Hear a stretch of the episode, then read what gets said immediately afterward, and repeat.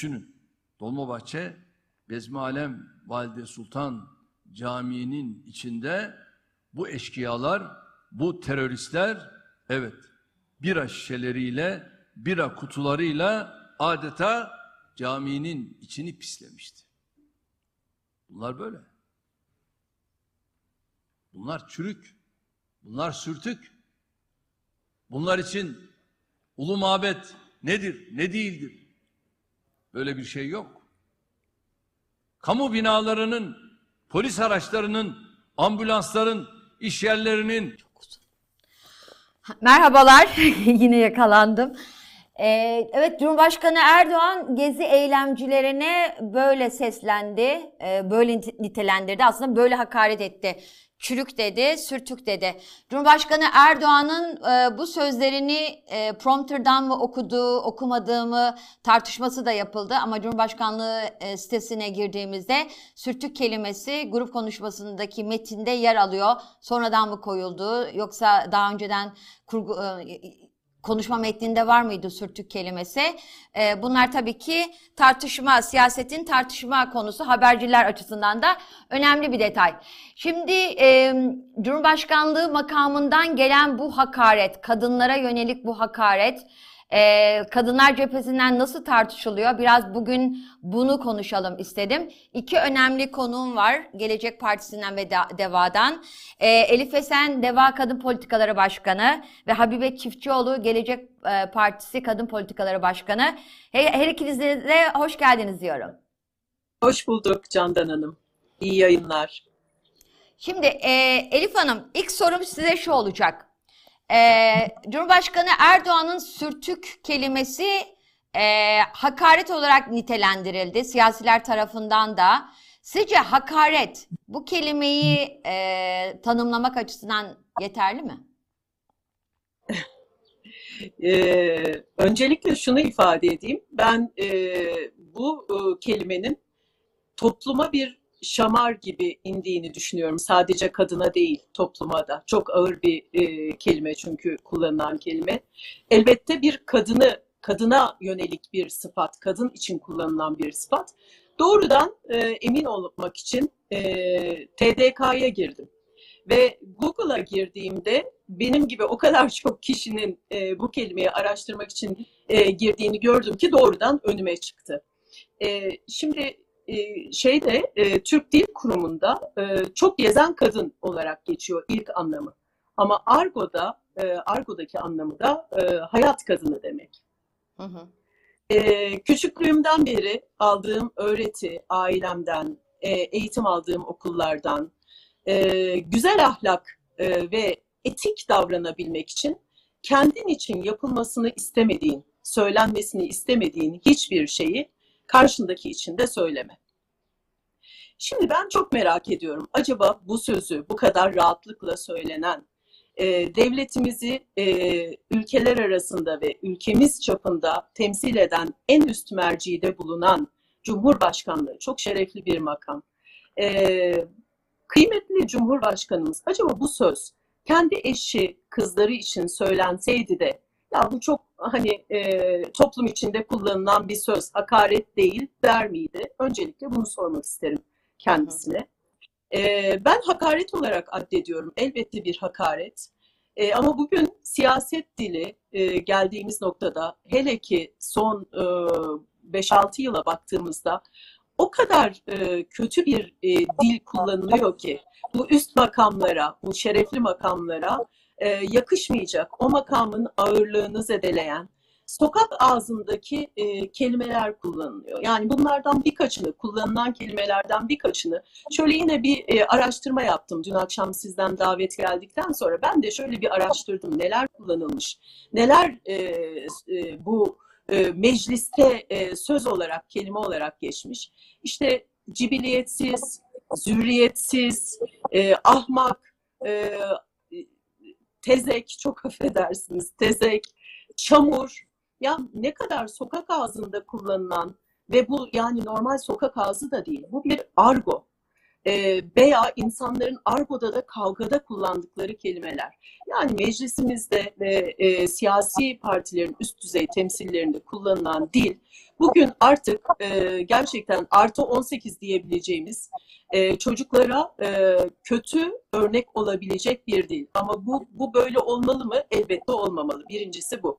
Hı hı. İkincisi e, daha aynı zamana da denk geldi. E, bu kelimeler kullanılırken e, işte çürük, e, sürtük çok affedersiniz. Bunlar kullanılırken bir yandan da Sayın İmamoğlu'yla Sayın Candan Kaftancıoğlu'nun, Canan Kaftancıoğlu'nun mahkemeleri e, tam da bu e, mesnet üzerine devam ediyor. Yani Sayın İmamoğlu ahmak dediği için Sayın e, Canan Hanım da yine Kaftancıoğlu da benzer kelimeleri kullandığı için mahkemelik oldular.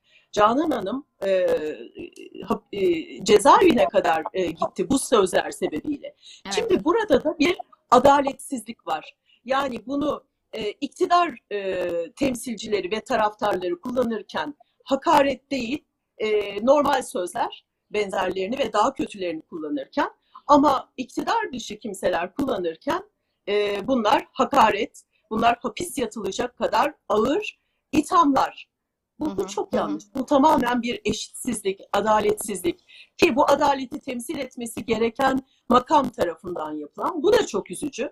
Bir üçüncüsü sizin az önce girdiğiniz konuyu ben de merak ettim. Dedim ki acaba bu önceden hazırlanmış bir metnin içinde mi yer alıyordu bu sözler?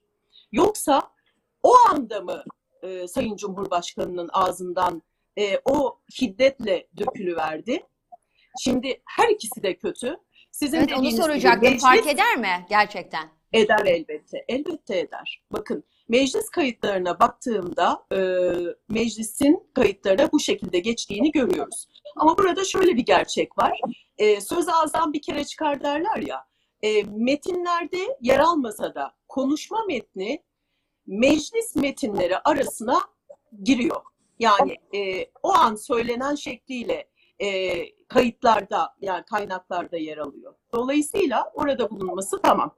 E, şimdi bir, e, e, Sayın Cumhurbaşkanı bunu metinde yer alan sözler şeklinde söylediyse zaten hakaret etmiş oluyor. Yani hakaret dilini kendisi kullanmış oluyor ve e, bugün e, cezaya e, müstahak olan sözler aslında bunlar.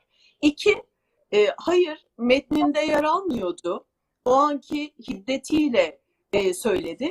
Ama burası öyle bir makam ki hiddetle e, ağızdan laf çıkmaması gereken temsiliyet makamı.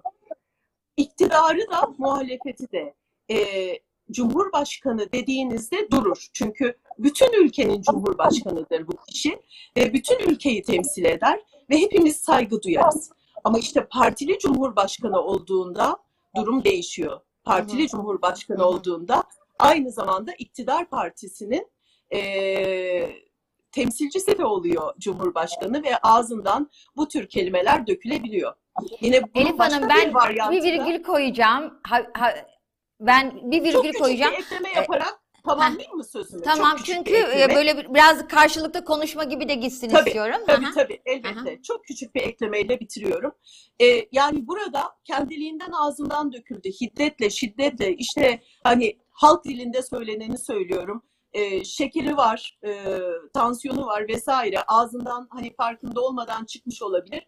E, o zaman da e, yaş durumu devreye giriyor ve eğer e, şekeri olan e, yaşı ilerlemiş artık hani söylediklerini kontrol edemeyen bir e, cumhurbaşkanımız varsa o zaman cumhurbaşkanı adaylığının da düşünülmesi gerekir ki çünkü seçimlerin olmasına bir yıl var. Seçimlerden sonra da bir cumhurbaşkanlığı süresi var. Bu cumhurbaşkanlığını layığıyla e, e, aklı selim bir şekilde yönetebilecek mi? Hakaret etmeden doğru kararlar vererek bunu da sorgulamak gerekir diye düşünüyorum. Teşekkür ederim. Evet Elif Hanım siz her koşulda e, irticalen ya da işte metne bağlı kalarak her koşulda meselenin her açıdan sakıncalı olduğunu söylediniz. Ben Habibe e, Çiftçioğlu'na dönmek istiyorum. Habibe Hanım siz bunu e, ilk duyduğunuzda nasıl hissettiniz? Bir kadın olarak e, ilk tepkiniz ne oldu? Bunu merak ediyorum. Zira partinizin genel başkanı Ahmet Davutoğlu edep yahu dedi. Yine partinizin kurucularından Fatma Aydın Ataş da önemli bir tweet attı ve dedi ki kötü ve çirkin kelimeleri yazmayacağım, paylaşmayacağım ama asla unutmayacağım dedi. Nasıl siz ilk tepkiniz, ilk duygunuz ne oldu? İlk tepkim yanlış duyduğumu düşündüm. Çünkü bir ülkenin cumhurbaşkanının dediğiniz gibi partili olmasına bakmaksızın 82 milyonun cumhurbaşkanı olması gereken birinin yaş ve kıdem olarak oturduğu konum, koltuk ve konum olarak e, böyle bir ifadeyi kullanabileceğine ihtimal vermedim. Hele ki mecliste yani bir özel sohbette dahi kullanılmayacak olan bir ifadeyi ne kadar kızgın olursanız olun, ne kadar öfkeli olursanız olun, hiçbir siyasiye değil, hiçbir insana yakışmaz. Çünkü hakaret bizim ülkemizde suç. Ama hakaret e, Cumhurbaşkanına yapıldığında suç, vatandaşa yapıldığında hak değil.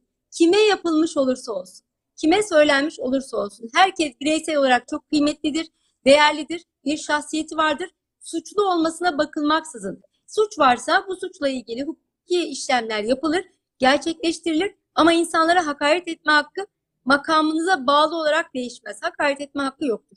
Tekrar dinledim. Dedim ki yanlış duydum herhalde. Yani böyle bir şey söylemiş olamaz Sayın Cumhurbaşkanı. Türkiye Cumhuriyeti'ni temsil ediyor. Bütün dünya onu izliyor. Yani ülkemiz bu kadar küçülemez diye düşündüm. Ama maalesef yanlış duymamıştım. Dediğiniz gibi prompterdan yazdıysa ayrı bir fecaat. Çünkü o zaman düşünerek, bilerek, kurgulayarak yazılmış oluyor. O çok daha büyük bir suç. Aslında hani tahammüden adam öldürmek gibi düşünmek lazım hukuki bakımdan. Hı. Ama diğer taraftan da o anda öfkeyle de söylemiş olsa hayır kabul edilebilir bir şey değil. İnsani olarak kabul edilebilir bir şey değil. Biz çocuklarımıza e, eğitim vermeye çalışıyoruz. Onlara kötü kelimeler kullanmamaları gerektiğini söylüyoruz. Ve psikolojide bir şey var. Kendini ifade etmekte zorlanan, aklıyla sorunları çözmekte zorlanan insanlar küfür ederler ve hakaret ederler der psikoloji. E, yani böyle mi acaba? O zaman ben Elif Hanım'ın dediği gibi e, eğer böyle bir sorunumuz varsa biz Cumhurbaşkanlığı konumunda düşünmek zorundayız önümüzdeki seçimlerde diye ben de endişe ettim. Kesinlikle kabul edilebilir bir şey değil. Biz peki televizyon kanallarında herhangi birisi bir hakarette bulunduğu zaman, bir küfürde bulunduğu zaman, bir dizide, bir filmde, bir konserde e, herhangi edep e, sınırlarının dışında bir e, olay yaşadığımız zaman Rütük devreye giriyor da neden burada o zaman devreye girmiyor? Kadın programlarında 2 saniye, 3 saniye geriden getiriyorlar ki küfürlü bir şey olursa halk bunu izlemesin diye. Ne yapacağız? Seçim sattım haline girdiğimizde siyasiler kendilerini kontrol edemiyorlar diye biz o zaman meclis konuşmalarını da mı geriden getireceğiz? Halk bunları duymasın, çocuklarımız bunları izlemesin diye. Biz çocuklarımızı edep çerçevesinde yetiştirmeye çalışırken ülkenin en üst düzeyindeki, en yüksek makamındaki kişi tarafından bu cümle kurulursa o zaman biz çocuklarımıza bunun yanlış olduğunu nasıl anlatacağız? Böyle endişeler taşıyorum. Ayrıca e, eğitimli, kültürlü, bilgili, birikimli ve 20 yıldır bu ülkeyi yönettiğini düşündüğümüz bir şahsiyet eğer kürsüden kadınlarla ilgili ve insanlarla ilgili bu düzeyde bir açıklama yaparsa avam dediğimiz eğitimi olmayan kırsal kesimde belki ki ben onların dahi bunu yapacağını düşünmüyorum. E, eleştirdiğimiz hataları olan işte karısını döven gibi her gün yaşadığımız enteresan vakalar var, üzücü vakalar var. O zaman bu insanlara ne diyeceğiz ya da nasıl örnek olacağız? Ya da bundan sonra sürtük kelimesi eğer ceza almayacaksa, suç olarak kabul edilmeyecekse herkes birbirine söylediğinde de hakaret olma kapsamından mı çıkartılacak? Hepimiz bunu merak ediyoruz. Gerçi e, çıkarken ne olacağını biliyoruz ama bunlar bizim üzüldüğümüz, bizim endişe ettiğimiz insanlar. Bu ülkenin vatandaşıyız ve bizim ülkemiz e, dünyada Türkiye Cumhuriyeti'nin Cumhurbaşkanı olarak Sayın Tayyip Erdoğan tarafından temsil ediliyor. E, ülkemiz adına sadece kadınlar adına değil, ülkemiz adına, çocuklarımız adına, kendimiz adına e, ve e, geleceğimiz adına üzüntü duyduk, hicap duyduk. Peki Elif Hanım siz AKP'yi, AK Parti'yi de iyi biliyorsunuz. Ben bazı hatırlatmalar yapacağım. Ee, şimdi Cumhurbaşkanı e, Erdoğan ki o zaman başbakandı. e, pardon Cumhurbaşkanı 2017'den söz ediyorum. Çünkü 2014'te e, Cumhurbaşkanlığını e, aldı e, Recep Tayyip Erdoğan. E, o dönem halk evlerinden Dilşat Aktaş için kadın mıdır kız mıdır ifadesini kullanmıştı. İşte HOPA e, eylemleri protestoları sırasında. Yine 2014'te kadın erkek eşitliği fıt- fıtrata ters demişti. Ee, yine biliyoruz ki e, işte Kadın Bakanlığı, Kadın ve e, Aile Bakanlığı vardı. Oradan kadın kelimesi çıkarıldı. Kadın ve Sosyal Politikalar Bakanlığı oldu. Yine biliyoruz ki Cumhurbaşkanı Erdoğan'ın en az 3 çocuk ısrarı dünden bugüne hep e, süre geldi. Yani aslında e, bugün sürtük olarak çıkan şeyin ardında e, kadına nasıl baktığı da yok mu sizce Cumhurbaşkanı Erdoğan'ın? Bir zihin dünyasını yansıtmıyor mu sizce? Eh, öncelikle e, yani siz konuşurken ben 20 yıl önceye gittim. E, Türkiye yaşadığı sorunlarla, sosyolojik sorunlarla e, e, kısa dönem dalgalanmalar yaşıyor. Şöyle bir 20 yıl önceye AK Parti'nin ilk kurulduğu dönemlere bir, bir gidin. Yaşı yeten arkadaşlarımız, gençlerimiz de şimdi dijital e, platformlar bizi eskiye kolaylıkla götürüyor, e, dönebilirler. 20 yıl önce genç bir e, daha çok gençlik yaşlarımdaydım ve e, üniversite eğitimimi yeni tamamlamıştım. E, o dönem e, 28 Şubat e, sebebiyle engellemeler vardı. Özellikle başörtülü e, kadınların yaşadığı engellemeler vardı. E, eğitim haklarına ulaşamıyorlardı, çalışma imkanları kısıtlıydı. Adeta toplumda zenci beyaz ayrımı gibi bir ayrım vardı. Ve o dönemler laiklik kelimesi adeta seküler ve muhafazakar kesim arasında e, seküler kesme ait bir tabir olarak algılanırdı. Çünkü e, o dönemde yine bugünün tam tersi, bugün tam tersi yaşanıyor. E, geleceğim biraz sonra konuşmamda. Tam tersi bir sosyolojik ortam vardı. Engellemeler, baskı, 28 Şubat süreci, o seküler kısım yani seküler e, ayrımı da yapmak istemiyorum. Çünkü ben toplumda aslında böyle ayrımlar olduğunu düşünmüyorum. Bu kutuplaştırmalarla bu ayrımlar yaşanıyor baskıcı bir kesim diyeyim. O baskıcı kesimin engellemeleriyle en temel hak olan eğitim hakkından yararlanamıyordu kadınlar ve genç kızlar. O dönemde AK Parti'yi en çok aslında kadınlar desteklemişti. Evet, feministler E, çok destekledi. hakkı- Ben takip etmiştim o dönem. E, evet. Hı hı. Eğitim hakkına erişmek isteyenler, e, eve kapalı kalıp e, çalışma hayatına dahil olamayan kadınlar, sosyal yaşamdan pay almak isteyen kadınlar AK Parti'yi destekledi ve AK Parti bu gücü öyle iyi kullandı ki ilk kurulduğunda ben ilk kurulduğunda İstanbul İl Başkanlığı'nda destek vermiştim. Hı hı, hı. Ee, çok iyi biliyorum. Ee, ve e, bunun e, şöyle geliştiğini görüyorum. Mahalledeki kadına ulaşıp mahallede e, eğitim imkanıyla e, ilerleyemeyen yani ilkokulu bile bitiremeyen kadına mahalle başkanlığı, mahalle temsilciliği, mahalle içinde üyelik vesaire gibi kimlikler vererek kadını kimliklendirerek siyasi bir kimlikle evden çıkardı. Sosyal hayata dahil etti. Siyasi hayata dahil etti aslında AKP. Ama bugün bunun tam tersi yaşanıyor. O gücü elde ettikten sonra seçimlerde de her seçimde kadınlar e, güçlü neferler olarak sahadaydı. Kapı çaldılar, kadın haklarını anlattılar. Zamanla kadın hakları dernekleriyle e, iletişim haline geçtiler. Hatta Kadem tam da bunun e, iyi temsilidir.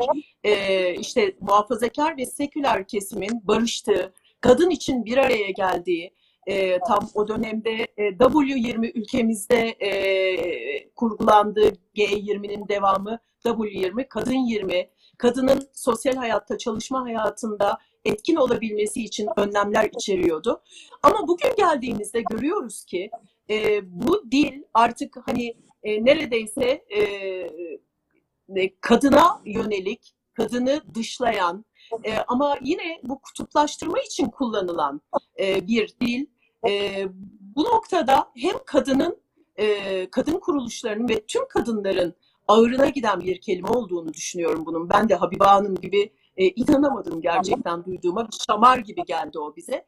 Ama bir yandan da aslında muhafazakar kesime indirilmiş bir şamardır bu. Çünkü Neden böyle diyorsunuz? kesim- Özellikle muhafazakar neden kesime. diyorum? Muhafazakar kesimi de dindarlar olarak sınırlıyorum.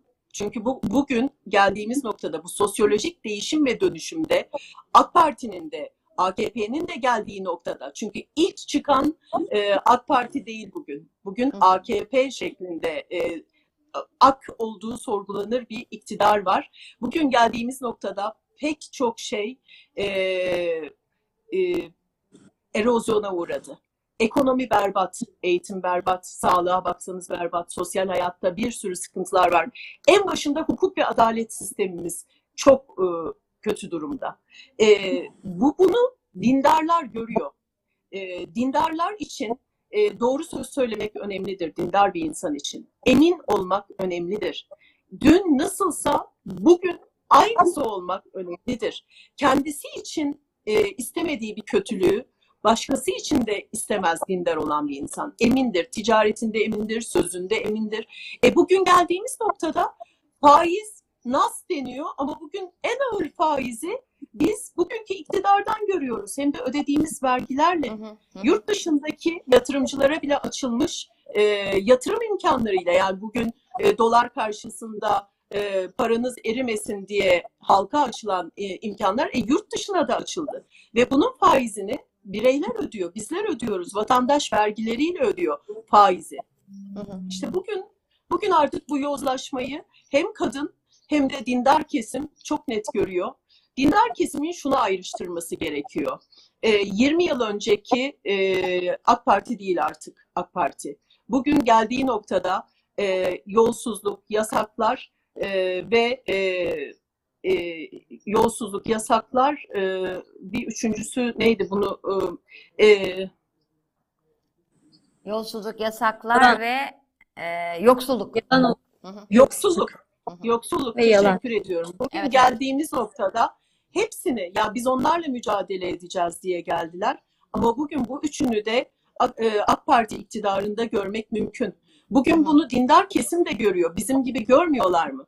Bugün destek veren kadınların suskun olduğunu görüyorsunuz. Neden suskun diyorsunuz? Çünkü ciddi bir mahalle baskısı var.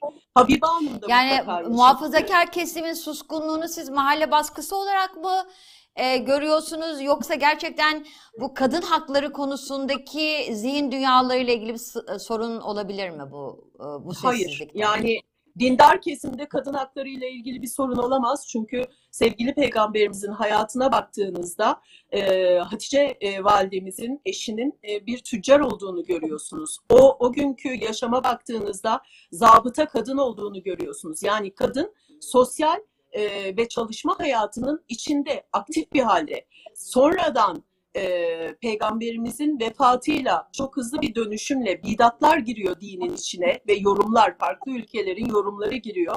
Bugün e, baktığınızda Arap ülkelerinin peçeyle dolaştığını yani başörtüsünde de çok farklı uygulamaların ol- olduğunu görüyorsunuz. Öyleyse dindar kesimin de kabul edemeyeceği şeyler var. Yani dindarlık demek eve kapanmak değil, dindarlık demek iyi bir şekilde dini temsil etmek demektir. Ama bugün e, iktidara baktığınızda dindar kesimi de rahatsız eden e, çok önemli vurgular olduğunu görüyoruz.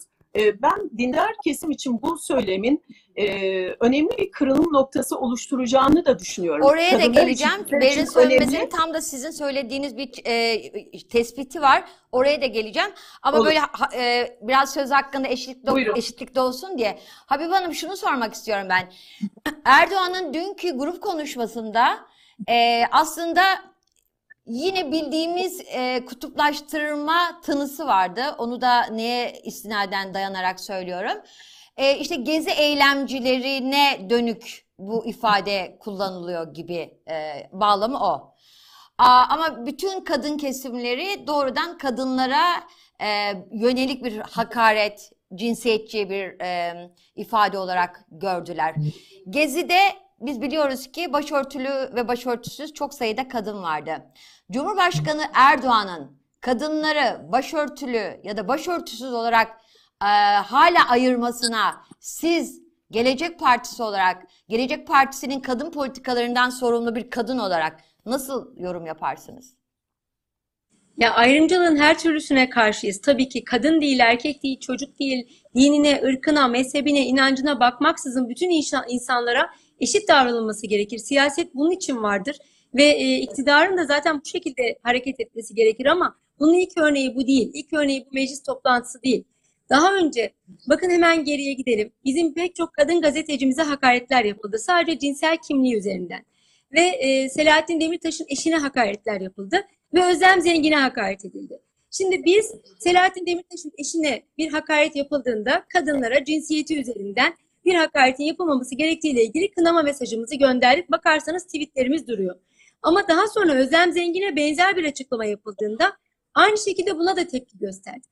Çünkü yanlışı kimin yaptığı ya da kime yapıldığı önemli değildir. Yanlış yanlıştır ve ortadadır. Herkesin ona eşit tepki vermesi gerekir.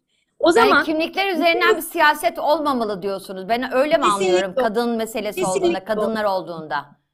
Yani eğer siz samimiyseniz, eğer siz senin kadının benim kadınım, benim partimin mensubu başka partinin mensubu, şu inançta bu inançta kapalı açık diye ayrım yapıyorsanız samimi değilsiniz. O zaman kendi kadınınızı da koruyamazsınız. Çünkü siz eğer başkasının çocuğunu korumazsanız başkası da sizin çocuğunuzu korumaz. Eğer siz kadınları korumazsanız kadınlara başka partilerde olduğunda, başka siyasi görüşlerde ya da inanç dünyasında olduğunda ya da insanlara Yapılan hakareti reva görür ve buna sessiz kalır. Ama kendi partinizdeki sizin görüşünüzde, sizin tabiri caizse himayeniz altındaki kadına yapıldığında tepki verirseniz samimiyetinizi sorgularız. O gün de AK Parti ve Cumhurbaşkanı Özlem Zengin'le ilgili çok ciddi tepki verdi. Peki diğer kadınlar kadın değil miydi? Diğer kadınlar insan değil miydi? Diğer kadınlar haksızlığa uğramamışlar mıydı? Onlara edepsizce saldırılmamıştı. Saldırılmamış mıydı? O zaman biz Cumhurbaşkanı'nın önümüzdeki süreçte sadece kendi partisine üye olanlara ya da sadece kendi partisinde aktif görev yapanlara sahip çıkacağı ama diğer kadınların sadece oylarına talip olduğu ama onların hakları ile ilgili bir mücadele etmeyeceği sonucuna varırız buradan. Cumhurbaşkanı daha önce kadınlarla ilgili uzaya e, insan gönderme konusu olduğunda kadınlar dahi gidebilirler demişti hatırlarsanız. Dahi. Yani evet. kadınları yine e, ayırmıştı ve onların da gidebileceğini söylemişti. Bunu da eleştirmiştik. Yani sağ olsun lütfetmiş demiştik. Yani burada bile bilimin bu e, artık 2022 Türkiye'sinde bilimle, çağdaşlıkla, ilimle, bilgiyle, birikimle ve liyakatle hareket etmemiz gerektiğimiz gereken noktada hala cinsiyetçi yaklaşımı ülkenin en üst düzeyinden gösteriyorsak, görüyorsak o zaman kafa şapkamızı önümüze alıp düşünmemiz gerekir. Bu aşamada işte dediği gibi AK Parti'ye daha önce oy vermiş olan, başörtülü ya da açık olması fark etmeksizin herkesin bir birey olarak kendi şahsiyetlerine, siyasi fikirleri değiştiğinde değer vermeyecek kişiyle ne kadar yol yürüyebileceklerini sorgulamaları gerekir. Bugün onun yanında olanlar da yarın benzer eleştirilere, benzer hakaretlere maruz kalabilirler ve o zaman da siyasi görüşleri değiştiğinde Cumhurbaşkanı onları savunmayacak mı, korumayacak mı diye düşünüyorum. Cumhurbaşkanının bu açıklaması topluma örnek olduğu, rol model.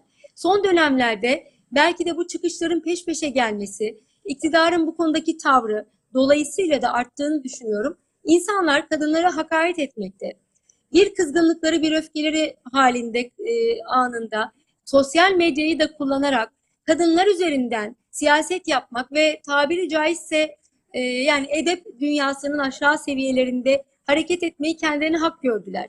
Dün sizinle görüştüğümüzde de söylemiştim. Bugün tekrar bir cevap da gelmiş. Onu da kınamak istiyorum bu vesileyle. Ama tabii en üst düzeyden görünce bunun normalleşmesinden de çok ciddi endişe duyuyorum bir kadın olarak.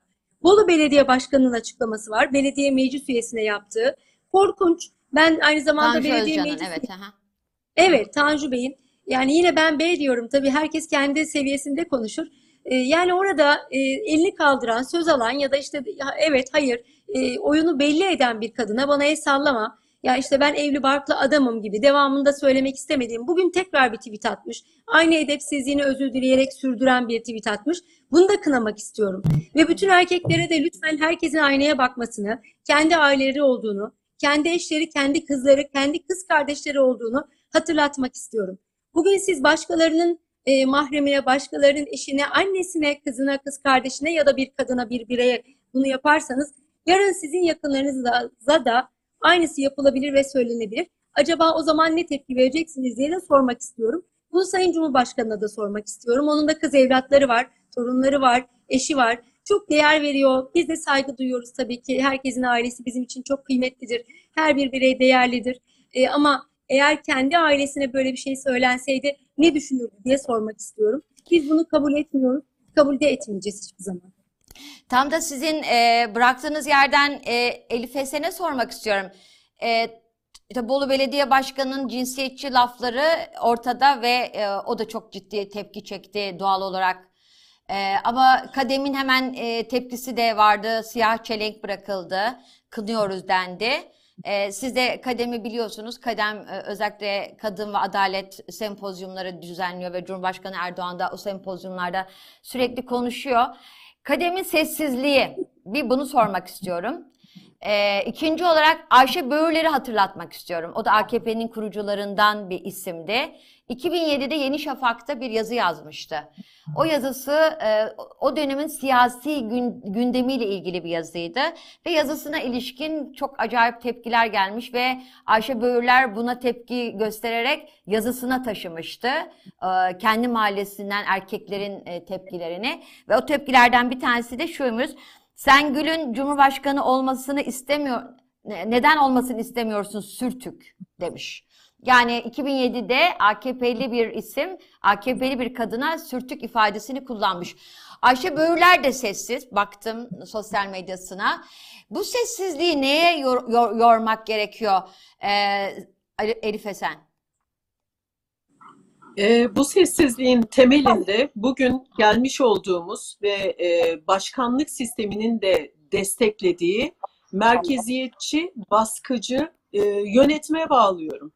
E, geçmişte rahat konuşabilen Ayşe Böhürler bugün sesini çıkaramıyorsa e, çatısı altında bulunduğu e, iktidar partisinin e, tepkisini göreceği e, ve o tepki e, sebebiyle de zor zorluklar yaşayacağı içindir. Yani korku ve kaygıları sebebiyledir.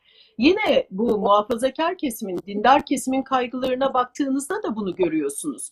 Yani bir dışlama, bir kötüleme, bir karalama e, bunlar yani insanlığa yakışmayacak şeyler. Hele ki e, dindar bir insana hiç yakışmayacak şeyler. Sessizliği ve suskunluğu tercih ediyorlar muhatap olmamak için sessiz ve suskun kalmayı tercih ediyorlar. Ha doğru mu?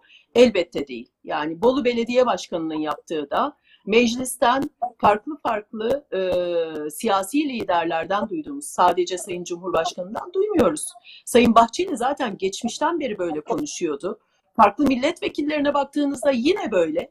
Ben öncelikle bir kadın olarak ondan sonra da iyi bir dindar vatandaş, dindar olmaya çalışan bir vatandaş olarak bunun asla doğru olmadığını, ahlak dışı olduğunu, etik olmadığını düşünüyorum ve kınıyorum bütün bu konuşmaları yapanlara ve gerçekten edep yahu kıymetli bir sözdür. Edebe davet ediyorum. Çünkü bunu gören kadınlar siyasetten uzak duruyorlar. Bugün yaşadığımız ortamda kadınların e, bir can havliyle siyasete gelişi var. Çünkü çok can yakan sorunlarımız var. Bugün evlerde tencere kaynamıyor, çocuklar yeterli beslenemiyor, ciddi bir yoksulluk yaşanıyor. Her gün gelen zamlarla kadın günü nasıl döndüreceğini düşünüyor. E, çözüm ararken e, bakıyor artık yani bu 20 yıllık yorgun iktidar yönetemiyor. Başındaki kişi de bağırıp çağırıyor. E, uzak durmaya çalışsa da siyasetin için siyasete bakmak zorunda çünkü gelecek dönemde kendisini yönetecek iktidarı bu bu çukurdan, bu bataklıktan kurtaracak iktidarı seçmek zorunda. Beni kim yönetebilir kaygısı içinde. Tüm vatandaşlar olduğu gibi muhafazakar kesimde. Çünkü 20 yıllık bir alışkanlık var. 20 yıllık din de kullanılarak bir ülke yönetimi var. Dine yaslanarak yapılıyor bunlar. E, ben bugün biraz yayına girmeden önce araştırdım.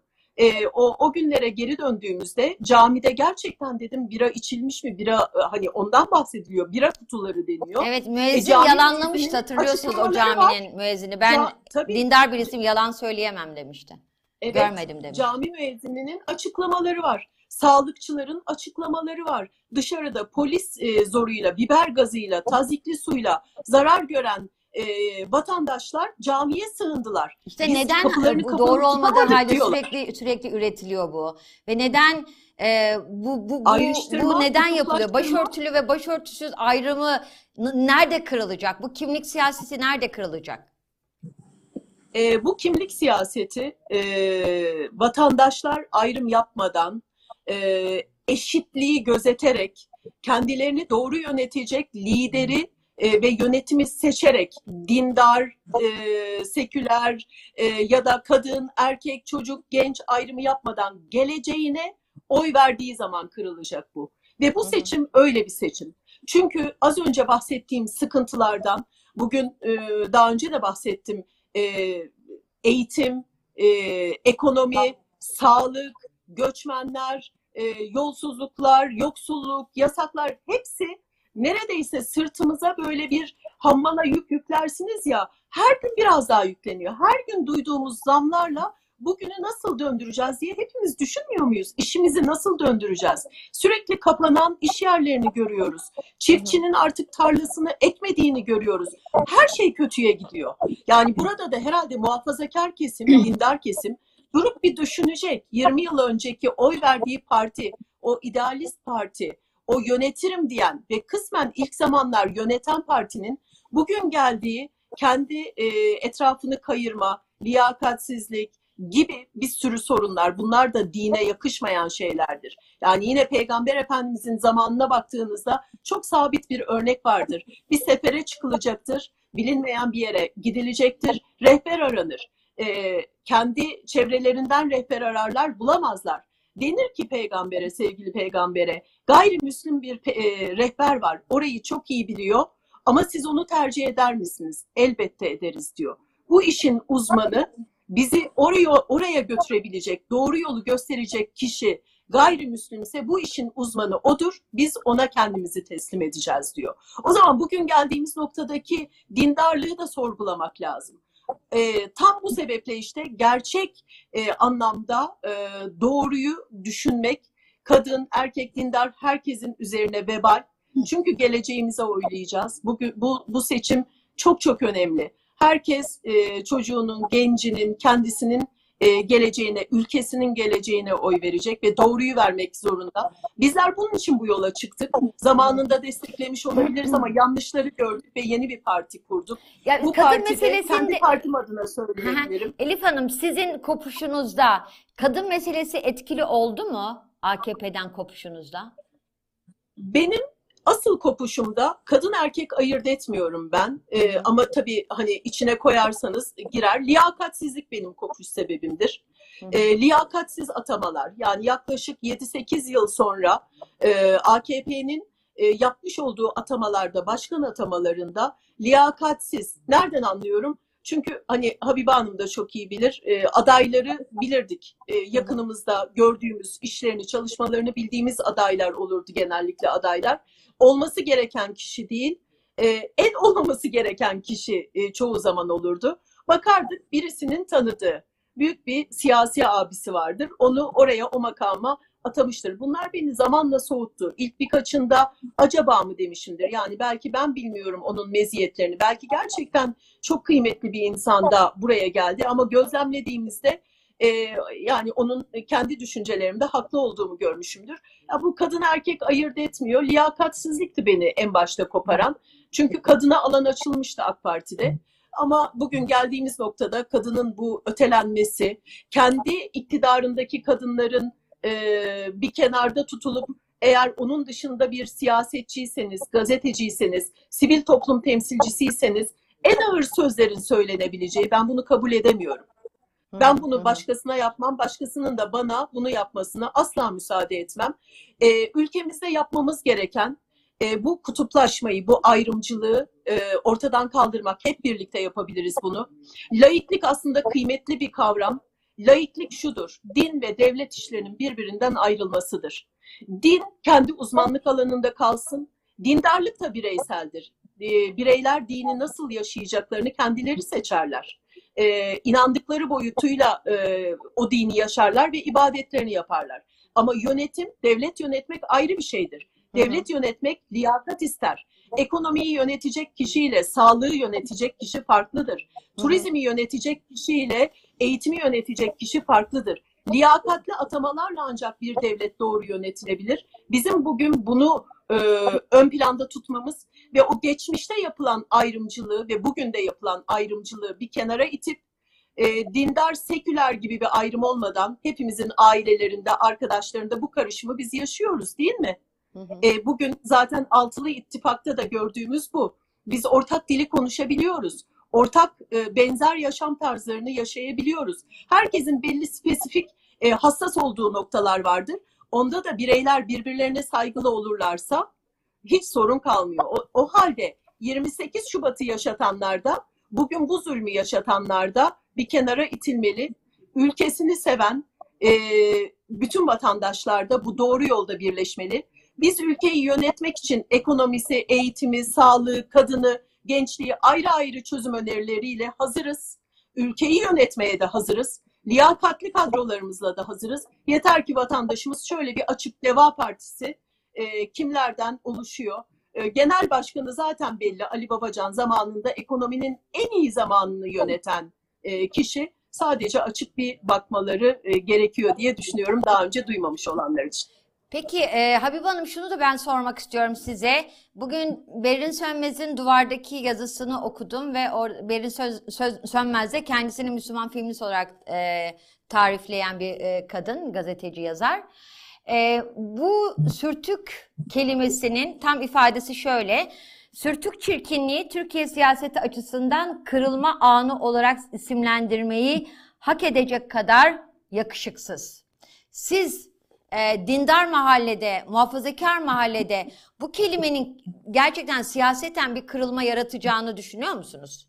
Mesela etrafınızdan e, nasıl tepkiler aldınız bunu duyanlar duyanlardan bir çıplak gözlem olarak? Tabii buraya aslında bakmak. Daha geniş perspektiften bakmak istiyorum. Ama tam bu sorunuzun cevabına bakınca bu e, hiç kimsenin duymak isteyebileceği ya da bunu normal kabul edebileceği ya da e, çok sıradan olarak kabul edip sineye çekebileceği bir kelime değil. Bu kelime 7'den 70'e küçücük bir çocuğa dahi söyleseniz tepki vereceği, belki gözlerini açacağı, anne çok ayıp diye 2 yaşında bir çocuğun cevap verebileceği tarzda bir kelime.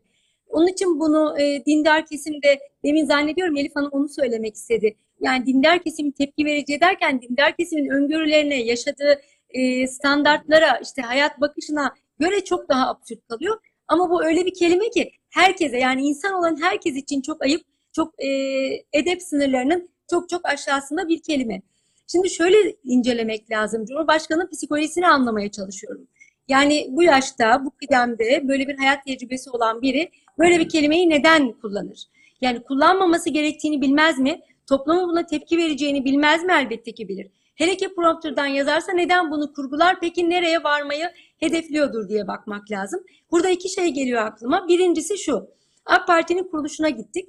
AK Parti'nin kuruluşunda bir şey söyler AK Parti. AK Parti kurulan ilk 20 sene önceki AK Parti'den bahsediyoruz. Der ki biz bu millete hükümdar olmaya değil hizmetkar olmaya geldik. Diyen kurulmuş bir AK Parti. Geldiğimiz noktada milletin isyan ettiği, itiraz ettiği, hakkını aradığı her konuda millete bağıran, milletle kavga eden ve milleti aşağılayan, onu hakir gören tepkilerle karşılaşıyoruz. Böyle mi hizmetkar olacaksınız diye sormak istiyorum. Tıp bayramını hatırlayın 14 Mart'ı. Doktorlar haklarını, özlük haklarını vesaire emeklilik haklarını, çalışma koşullarındaki sıkıntıları ifade ettiler. Biz Giderlerse dışarıdan doktor getiririz. Biz asistanlarla da bu işi yaparız. Giderlerse gitsinler. Peki doktorlar isyan etti giderlerse gitsinler. KHK'lılar orada kıvranıyorlar. Ne halleri varsa görsünler. Emekliler imdat diyorlar. Bu kadar zamlar geliyor. Biz boğuluyoruz, geçinemiyoruz.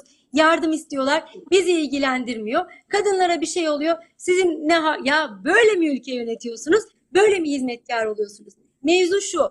O kadar çok daraldılar ki artık o kadar hiçbir şey yapamaz haldeler ki çünkü ülkenin kaynaklarını her anlamda tükettiler. Nasıl tükettiler işte deminden beri ifade ediyoruz. Yani yalanlarla, yoksulluk, yolsuzluk e, şeyden çıktı. Tabiri caizse amiyane tabiri şirazeden çıktı memleket. Hiçbir yere gidemiyoruz. Akşamdan sabaha tekrar tekrar zamlarla uyanıyoruz. Neden zam geliyor? Niye geldi? Ya da ne zamana kadar gelmeye devam edecek? Önümüzdeki süreçte ne yapacağız diye bakanın dahi bir bilgisi yok.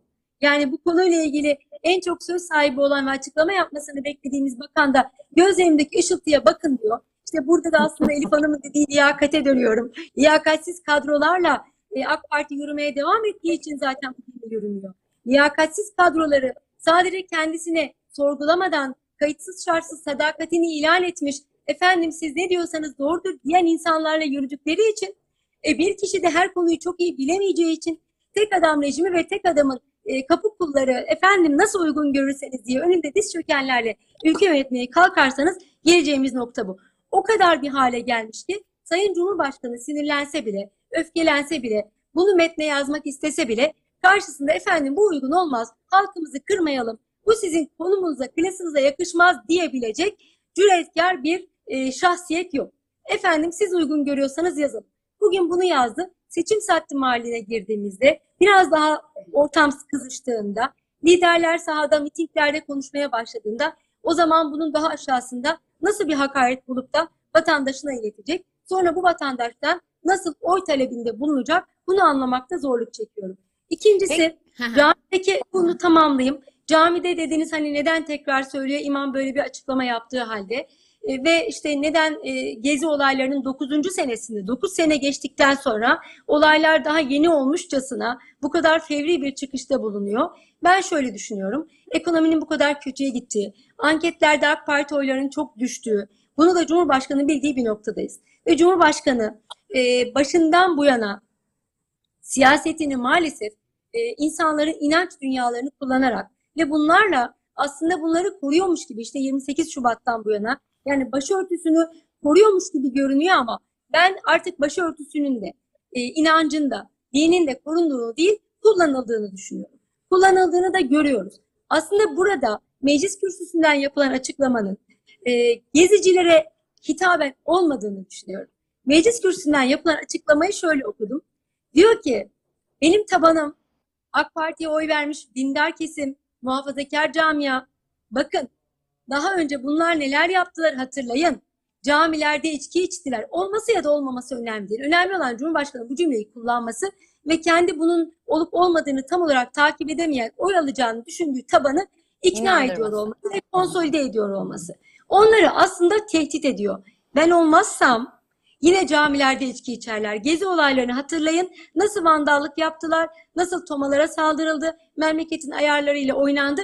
Yine yaparlar. Huzurunuzun, caminizin, namazınızın, ibadetinizin, başörtünüzün teminatı benim demeye çalışıyor. Ama bunu o kadar çaresiz kalmış ki diye düşünüyorum. Bu kadar dip seviye, seviyeden ifade ediyor. Aslında ona biz de şunu ifade edelim. Biliyorsunuz en son pazar günü altılı masa bir araya geldi. Orada da bir ilkeler malzemesini yayınladık. Ee, Sayın Cumhurbaşkanı, Sayın AK Partililer hiçbir şeyin garantisi siz değilsiniz. Siz şu anda iktidar mensubusunuz. Göreviniz ülkeyi yönetmek ama ülkeyi yönetemiyorsunuz. Hastanelerde kriz var, okullarda kriz var. Ekonomi zaten almış başını yürümüş. Hiç kimse akşam yattığı parayla sabah kalkamıyor. Geleceğiyle ilgili endişeler var. Gençler yurt dışına gitmeye çalışıyorlar. Gitmek değil bunun adı. Kaçmak istiyorlar. İş adamları önlerini görüp yatırım yapamıyorlar. Bu krizde, bu süreçte bu ülkenin buradan çıkmasını sağlayacak hem ekonominin ta- e, teminatı, hem e, kadınların, hem İslam'ın, hem özgür düşüncenin, hem de e, bu ülkenin geleceğinin teminatı artık siz değilsiniz. Hakaret etseniz de değilsiniz, korkutsanız da değilsiniz. Yapamıyorsunuz, yönetemiyorsunuz. Zamanında biliyorsunuz yönetemiyorsanız çekip gidin denmişti. Ya lütfen seçime gidelim. Çünkü ülkemizin dayanacak gücü kalmadı. Bütün kaynakları tükettiniz. Bakın biz o altılı masada ilkeler manzumesini açıkladık ve orada söyledik hem laikliğin hem özgürlükçü İslam'ın teminatı olacağımızı, kazanılmış haklarımızın kaybedilmeyeceğini, altı siyasi partinin genel başkanları altına imza attılar. Onun için hiç kimsenin bir şeyin teminatı olmasına gerek yok. Biz zaten e, bunun için yola çıkmış. Oradaki makamları, oradaki adaletsizlikleri, liyakatsizlikleri e, gördüğümüz için, çirkinlikleri gördüğümüz için terk etmiş insanlarız. Burada da bunların olmasını değil, ülkemizin doğru bir şekilde yönetilmesini arz ediyoruz. Peki. Geleceğin adımlarla hep birlikte gideceğiz inşallah. E, Peki ben gerçekten epey bir süremi açtım. Çok kısa soracağım. Cumhurbaşkanının bu açıklamasından sonra birçok partiden suç duyuruları yapıldı. İşte CHP'den, TİP'ten, HKP'den vesaire. Deva ve Gelecek suç duyurusunda bulunacak mı? Hangimize önce soruyorsunuz? Biz şu an Ben düşünmüyoruz. başlayalım Habibe Hanım. Hı hı. Evet. Yani gördüm ben Canan Hanım dağıtmış. Kadın Dernekleri Federasyonu Başkanı onlar da suç duyurusunda bulundular. Tabii e, hukuken onlar gereğini yapıyorlar. Biz de bunları davaları takip edeceğiz. E, gereğinin yapılması, bu ülkede birilerinin bu anlamda adım atması güzel. Ama kimi kime şikayet edelim diye de bir endişemiz yok değil. Şu anda suç duyurusu yapmıyoruz. Biz suç duyurusunu mahkemelere değil de vatandaşın vicdanına yapmak istiyoruz. Yani artık vicdanlar akıl görüyor ve bu yanlışı görsünler ve bundan sonra gerçekten vatandaşın halkın mahkemesi yani seçim gelsin ve vatandaş o mahkemede kendi kararını sandıkta inşallah uygulasın, gereği yapılsın diye düşünüyoruz. Elif Hanım siz ne diyeceksiniz? Ee, biz birkaç gün önce Kadın Cinayetlerini Durduracağız Platformu Derneği'nin temsilcileriyle İstanbul'da görüştük. Bir toplantı yaptık. Hem desteğimizi belirttik kendilerine hem de e, onları dinledik. Şunu ifade ettiler. Yani davayı biliyorum, itham edildikleri konuyu da gayet iyi biliyorum. Şunu ifade ettiler. Birçok aile var bizimle iletişime geçen. Kızları kaybolmuş, e, işte cinayete kurban gitmiş, e, katledilmiş, çocuklar geride kalmış. Bu insanlar bunlarla uğraşıyorlar. Yani kadının Türkiye'de yaşadığı e, şiddet e, ve zorluklarla mücadele ederken aslında çok da mesnetsiz bir davayla da uğraşıyorlar bir yandan. E, e, dün de e, İstanbul'daki ekiplerimiz hem Hukuk Adalet Politikaları Başkanlığımız hem de Kadın Politikaları Başkanlığımızdan arkadaşlarımız Ça- e, Çağlayan'da dava takibinde yanlarındaydılar. Desteğimizi o şekilde de belirttik. Çünkü e, zorluk çeken kadının ve kadın derneklerinin hepsinin yanındayız. Geleceğe biz el ele yürüyeceğiz ama adaletle yürüyebiliriz ancak. Şimdi dün gece bana arkadaşlarımdan, e, ekip arkadaşlarımdan farklı gruplarımız var. Hem hukuk çalışma grubumuz Hı hı. hem e, bizim farklı arkadaşlarımızdan gelen mesajlar dava açıyor muyuz, dava açıyor muyuz? E, şimdi e, bir yandan da altında da yorumlar geliyor tabii. Açalım işte evet tam dava açılacak bir konu hakaret, işte kendileri e, hapishaneye, e, cezaevine yönlendirdiler. Tam işte Canan Kaftancıoğlu davasıyla da çakıştığı için. Ama bir tanesinin yorumu o kadar manidardı ki daha sonra diğerleri de benzer yorumları yaptılar. Dediler ki dava açsak çözümlenecek mi? Yani bakın geldiğimiz noktada adalete ve hukuk sisteminin e, erozyonuna, e, zayıflığına bir dava açılsa da e, çözüm e, çözüme ulaşamayacağımıza olan bıkkınlık, yılgınlık bunu yapan bir e, bu yorumu yapan bir genç arkadaşımızdı. Dava açsak da zaten dedi dava e, çözümlenmeyecek ki bir sonuca ulaşmayacak ki. Bugün açılan dava bakın hukuk arayışı, adalet arayışı artık vazgeçmiş durumda vatandaş. Ancak bir sesini çıkarma. Belki bir sesini duyan olur mu? Bu çığlığı bir duyan olur mu? Ee, hiçbir arkadaşımıza engel olmadık. Ee, bireysel davalar açılıyor. Ama elbette bir e, parti adına dava açılabilmesinden bahsetmek için e, bir başkanlık kurulu kararı, genel başkanımızın onayı gerekmekte. Bu bir süreç alır. İstanbul Sözleşmesi'nin zaten davacısıydık. E, yüzlerce arkadaşımızla davayı takip ettik. Hala daha da ediyoruz. E, düzeleceğine inanıyoruz. Yeniden bu iktidar değiştiğinde İstanbul Sözleşmesi'ne taraf olunacak. Çünkü 6284 aslında kadına yönelik şiddeti engelleyebilecek iyi bir kanundur. Yeter ki doğru uygulansın. Yeter ki cezalar caydırıcı olsun. Yeter ki samimiyetle yaklaşılsın. Hı hı. Davalara yargıçlar ve savcılar, hakimler ve savcılar samimiyetle yaklaşırlarsa, failler, e, suçlular cezalarını yeterince alırlarsa zaten bu e, toplumda geleceğe yönelik bu suçların azalmasına e, engel sebep olacaktır, azalmasına vesile olacaktır. Yeter ki doğru uygulan. Hı hı. Peki Elif Esen çok teşekkürler Deva Partisi'nden. Habibe Çiftçioğlu çok teşekkürler Teşekkür. Gelecek Partisi'nden. Ee, tabii ki biz de bu sürtük tartışmasının siyasi sonuçlarını, hukuki e, boyuttaki gelişmeleri takip etmeye devam edeceğiz. Ee, yayınımıza katıldığınız için ve fikirlerinizi bizimle paylaştığınız için çok çok çok teşekkürler bir kez daha. Evet sevgili te- Teyimler teşekkür ediyoruz Candan takipçileri. Uzun bir yayın oldu. Ee, ama önemli bir yayındı. Kadınlar cephesinden özellikle dindar ve muhafazakar kadınlar cephesinden Cumhurbaşkanı Erdoğan'ın sözlerine e, tepkiler nasıldı, yorumlar nasıldı? Biraz bunu e, tartışmaya, konuşmaya çalıştık. Başka bir yayında görüşmek üzere. Hoş kalın, hoşça kalın. T24'te kalın.